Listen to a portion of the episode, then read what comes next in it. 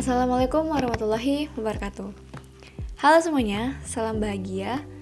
Alhamdulillah kita berjumpa lagi di podcast Diva Meliora dengan segmen baru yaitu opini. Di episode pertama ini ya, kita mau bahas tentang belajar. Nah, sebagai awal nih, aku mau mulai dulu dari definisinya. Definisi tentang belajar. Dikutip dari Jurnal Kajian Ilmu-Ilmu Keislaman volume 3 nomor 2 Desember 2017 oleh Aprida Pane dan Darwis, belajar dimaknai sebagai proses perubahan perilaku sebagai hasil interaksi individu dengan lingkungannya. Perubahan perilaku terhadap hasil belajar ini bersifat kontinu, fungsional, positif, aktif, dan terarah. Nah, kalau dari Wikipedia dikatakan belajar adalah proses bertemunya stimulan dan respon. Artinya ada kegiatan aktif di situ. Jadi, kegiatan aktif ini melibatkan dua unsur. Yang pertama itu adalah fisik atau jasmani dan mental. Itu kalau dilihat dari definisinya ya. Jadi, dari dua sumber ini dikatakan bahwa belajar adalah sebagai suatu hasil interaksi dan melibatkan antara aktivitas fisik dan juga jasmani. Berarti kesimpulannya adalah belajar yang baik itu adalah ketika kedua yang pertama uh, kita melihat ada hasilnya, kemudian yang kedua melibatkan dua unsur tadi yaitu fisik atau jasmani dan mental. Jadi secara apa ya? inside dan outside-nya gitu lah ya itu terlibat aktif dua-duanya itu dari pengertiannya ya. Nah sekarang aku mau bahas tentang stereotip yang ada di masyarakat tentang belajar. Kalian pernah dengar gak sih kalau di masyarakat kita nih umumnya atau bahkan jangan-jangan diri kita sendiri gitu sering banget melibatkan yang namanya belajar itu ya ketika kamu duduk di bangku sekolah gitu. Ketika kamu pakai seragam ketika ada guru ketika ada teman uh, teman bangku makanya sebangku itu terus ada papan tulis ada buku semacamnya gitu kan. Itu baru dikatakan belajar gitu. Jadi sangat apa ya kuantitatif itu sifatnya. Bener-bener terindra gitu. Melalui lima indera kita gitu kan. Oh berarti dia lagi belajar. Kenapa? Soalnya di sekolah gitu.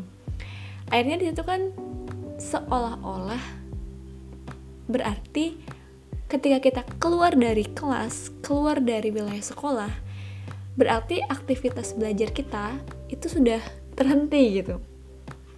Atau sudah bukan aktivitas belajar lagi namanya, tapi aktivitas itu mengarungi hidup gitu. Dan aku pribadi sih belum apa ya, belum baca. Mungkin ada ya jurnal, apakah ada jurnal yang uh, menilai stereotip ini gitu di masyarakat terutama di Indonesia kira-kira paradigma seperti ini berapa besarnya gitu uh, presentasinya di Indonesia di masyarakat kita. Cuman kalau misalkan kita nggak pakai persen-persenan lah ya gitu. Secara opini aja deh gitu. Kita masih melihat memang ternyata ya stigmanya masih seperti itu gitu. Stereotipnya masih seperti itu. Ya namanya belajar ya aktivitas di sekolah gitu. Nah ini sangat disayangkan ya paradigma seperti ini. Kenapa karena pertama selain ini menghilangkan uh, esensi sebenarnya dari belajar yang kedua adalah akhirnya cara runtutan berpikir masyarakat kita itu jadi sangat terbatas gitu Maksudnya seperti apa?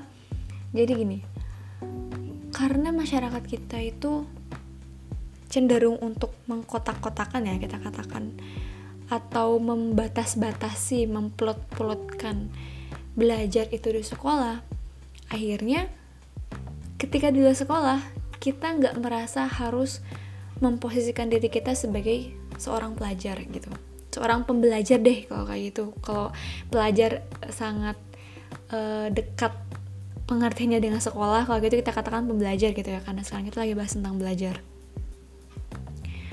jadi akhirnya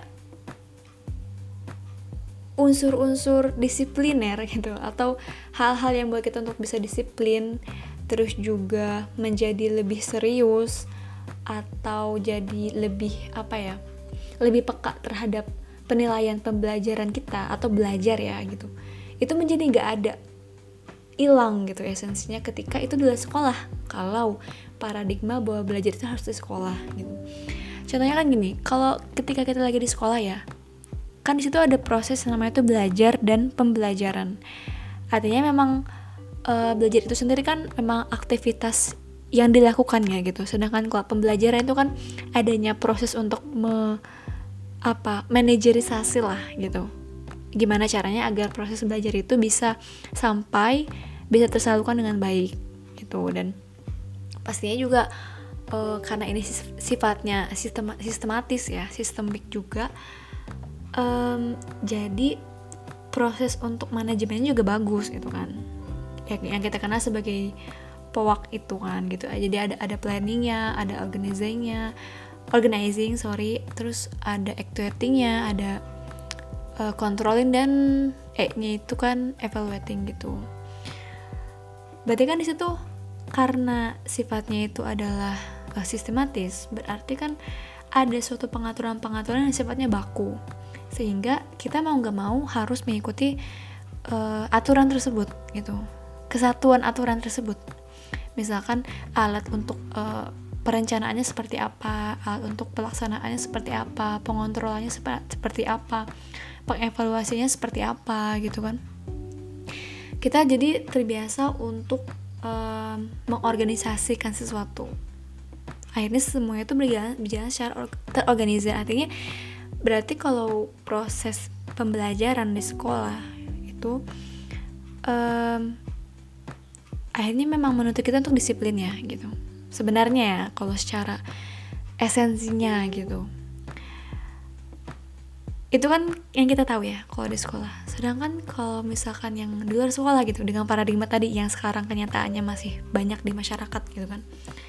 Akhirnya ya udah ya namanya belajar itu ya harus ada papan tulisnya harus ada mejanya harus pakai seragam semacamnya kayak gitu kan.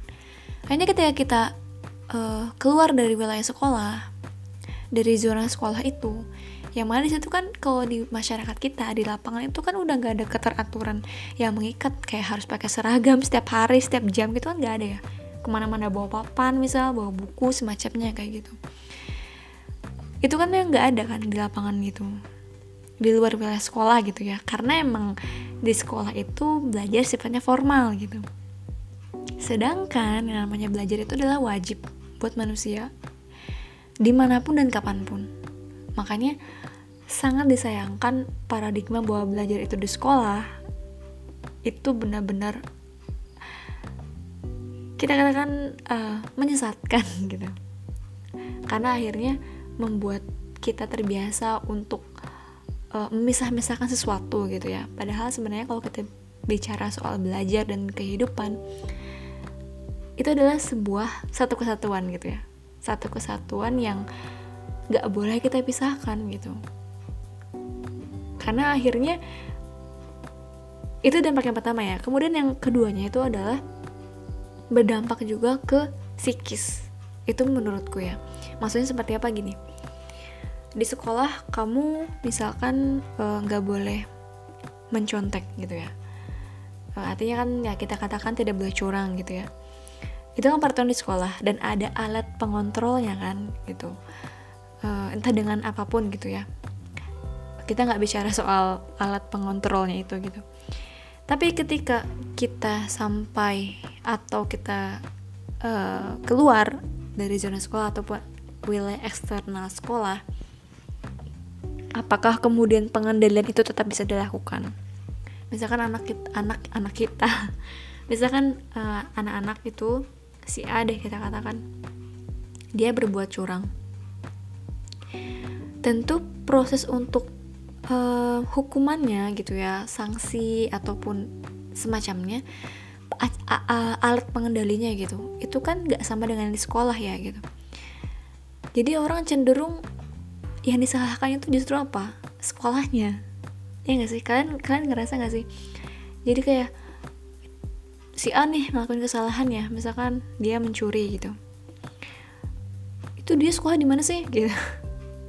Atau itu gimana sih uh, di sekolahnya bener atau enggak? Gurunya ngajarin atau enggak? Kayak gitu. Akhirnya berpatokannya ke situ. Padahal sebenarnya alat pengontrol manusia itu bukan cuma di sekolah gitu tapi juga masyarakat. Jadi ketika kita ada menemukan suatu kasus suatu apa ya uh, ya kasus lah ya kita katakan ya kita nggak boleh dong langsung untuk menjudge bahwa itu adalah salah sekolah saja atau salah orang tuanya saja.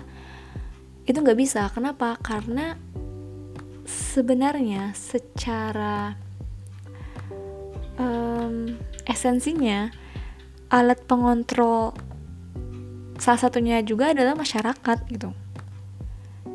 Makanya yang aku lihat sih ya akhirnya adanya apatisme dari masyarakat ketika ada suatu keburukan um, yang dilakukan oleh individu cenderung cuek gitu. Kenapa? Karena ya itu bukan urusan saya misalkan kayak gitu.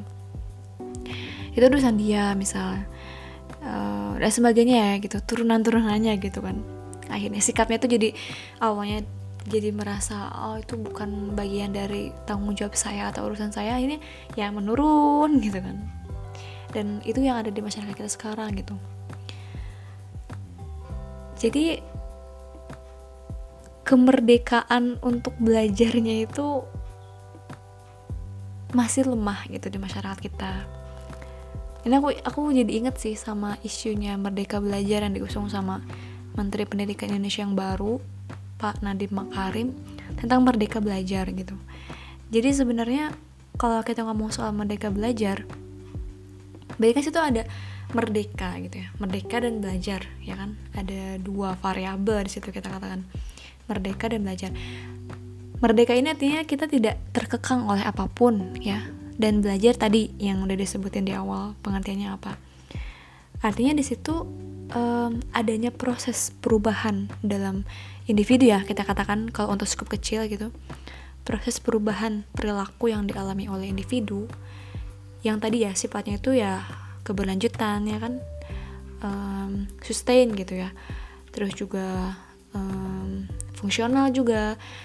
Positif tentu aktif dan terarah itu menjadi tidak terkekang artinya sebenarnya Berarti seharusnya merdeka belajar juga memiliki definisi, berarti masyarakat kita juga ikut belajar gitu.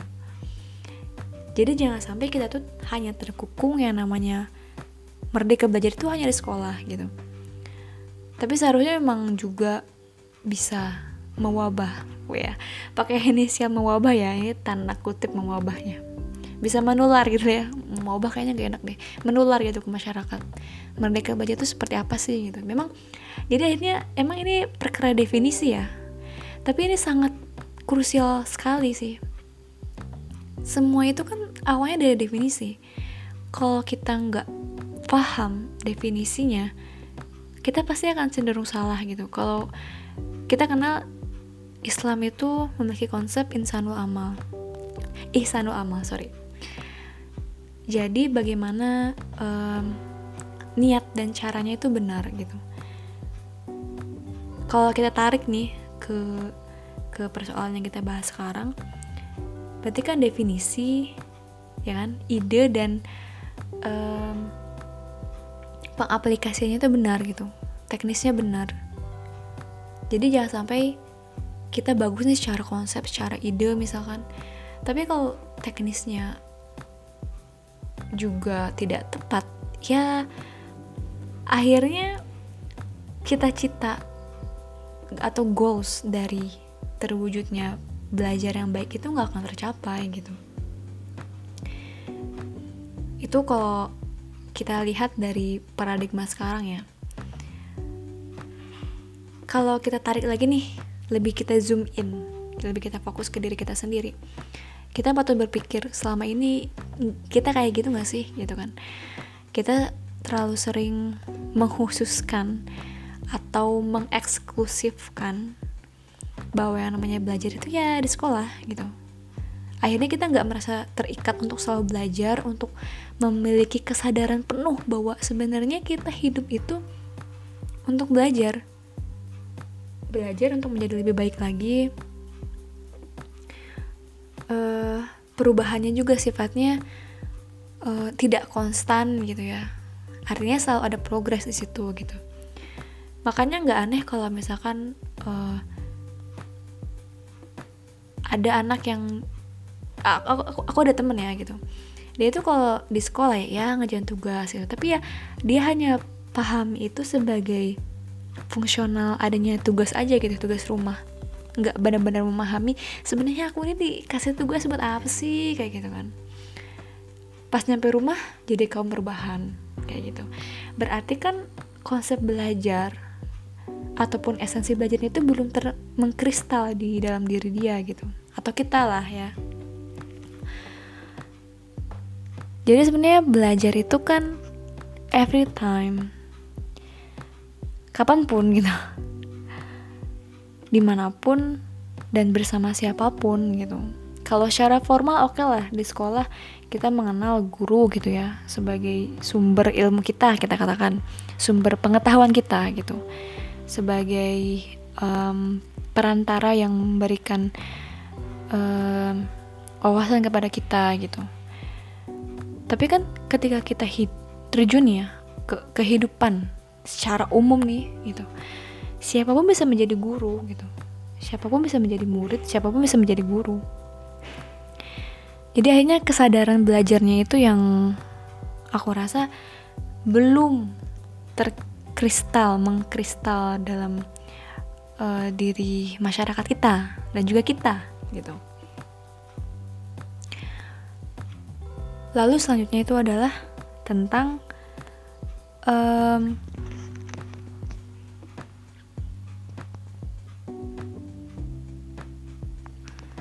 konsep belajar apakah sekedar sebagai transfer gitu ya transfer ilmu pengetahuan. Padahal sebenarnya ada tuh konsep uh, belajar itu dengan cara mentoring. Nah teman-teman tuh bisa cara lah mentoring itu artinya apa sih yang kayak gimana sih.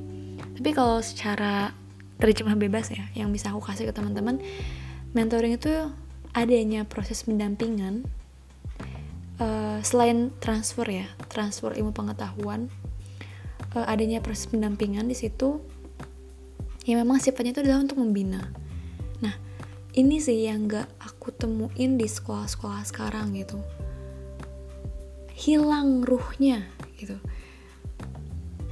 Dan ini sangat sangat disayangkan ya sangat sangat disayangkan. Kenapa? Karena sekolah itu kan pabriknya calon-calon bibit bangsa ya. Tapi kemudian tidak memiliki ruh. Ruhnya nggak tahu deh gimana gitu ya. Seharusnya selain ada proses um, transfer ilmu gitu ya transfer pengetahuan transfer wawasan juga di situ harusnya ada pendampingan. Benar-benar pendampingan. Kan kalau kita belajar ya uh, eh bukan. Kalau kita bahas maksudnya soal belajar itu kan tadi dua unsur ya. Aktivitas fisik atau jasmani dan mental gitu. Nah sayangnya hanya diberi bukan dibentuk gitu maksudnya. Di sekolah tuh yang aku lihat sekarang seperti itu. Hanya diberi bukan dibentuk dan akhirnya muncul lagi gitu bahwa anak yang baik adalah anak yang juara. Anak yang baik adalah anak yang berpiala gitu. Karena baik lagi kalau kita uh, throwback gitu ya sebenarnya kan kemampuan belajar setiap orang beda-beda. Kecepatan baca setiap orang beda-beda gitu. Jadi sayang juga lagi-lagi yang namanya anak pintar tuh pintar matematika. Semacamnya kayak gitu kan yang selalu ada di kita sampai sekarang makanya kaget juga sih ternyata masih ada stereotip seperti itu gitu. Jadi sebenarnya kalau kita mau visualisasikan ya setiap orang ini misalnya setiap anak itu mereka punya bentuk yang berbeda ada yang bintang segitiga bulat trapesium mungkin layang-layang gitu. Kemudian sekolah menjadi tempat untuk membuat semua bentuk itu jadi bulat misalkan.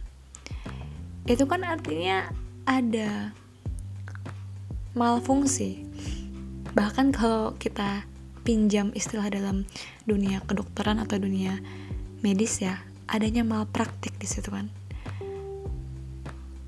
Emang sih ini pembahasannya sistemik sekali ya gitu karena nggak bisa tuh dibahas dari satu sisi aja gitu. Karena ada side effect yang jadi titik, jadi titik buta kita di situ gitu. Dan ternyata ini semuanya berawal dari definisi itu gitu kan. Ketika ide ataupun konsep tidak teraplikasikan dengan baik ya ini seperti ini kan gitu. Jadi ternyata telah terjadi malpraktik massal di masyarakat kita. Itu sih yang pengen aku sampaikan di podcast kali ini yaitu tentang belajar. Semoga teman-teman bisa mendapatkan poinnya ya apa aja yang tadi udah aku berusaha untuk bagikan gitu. Dan teman-teman boleh banget juga kasih insight-insight baru. Oh aku punya pemikiran seperti ini aku punya pemikiran seperti ini kayak gitu itu boleh banget teman-teman kirim ke email boleh mungkin ya.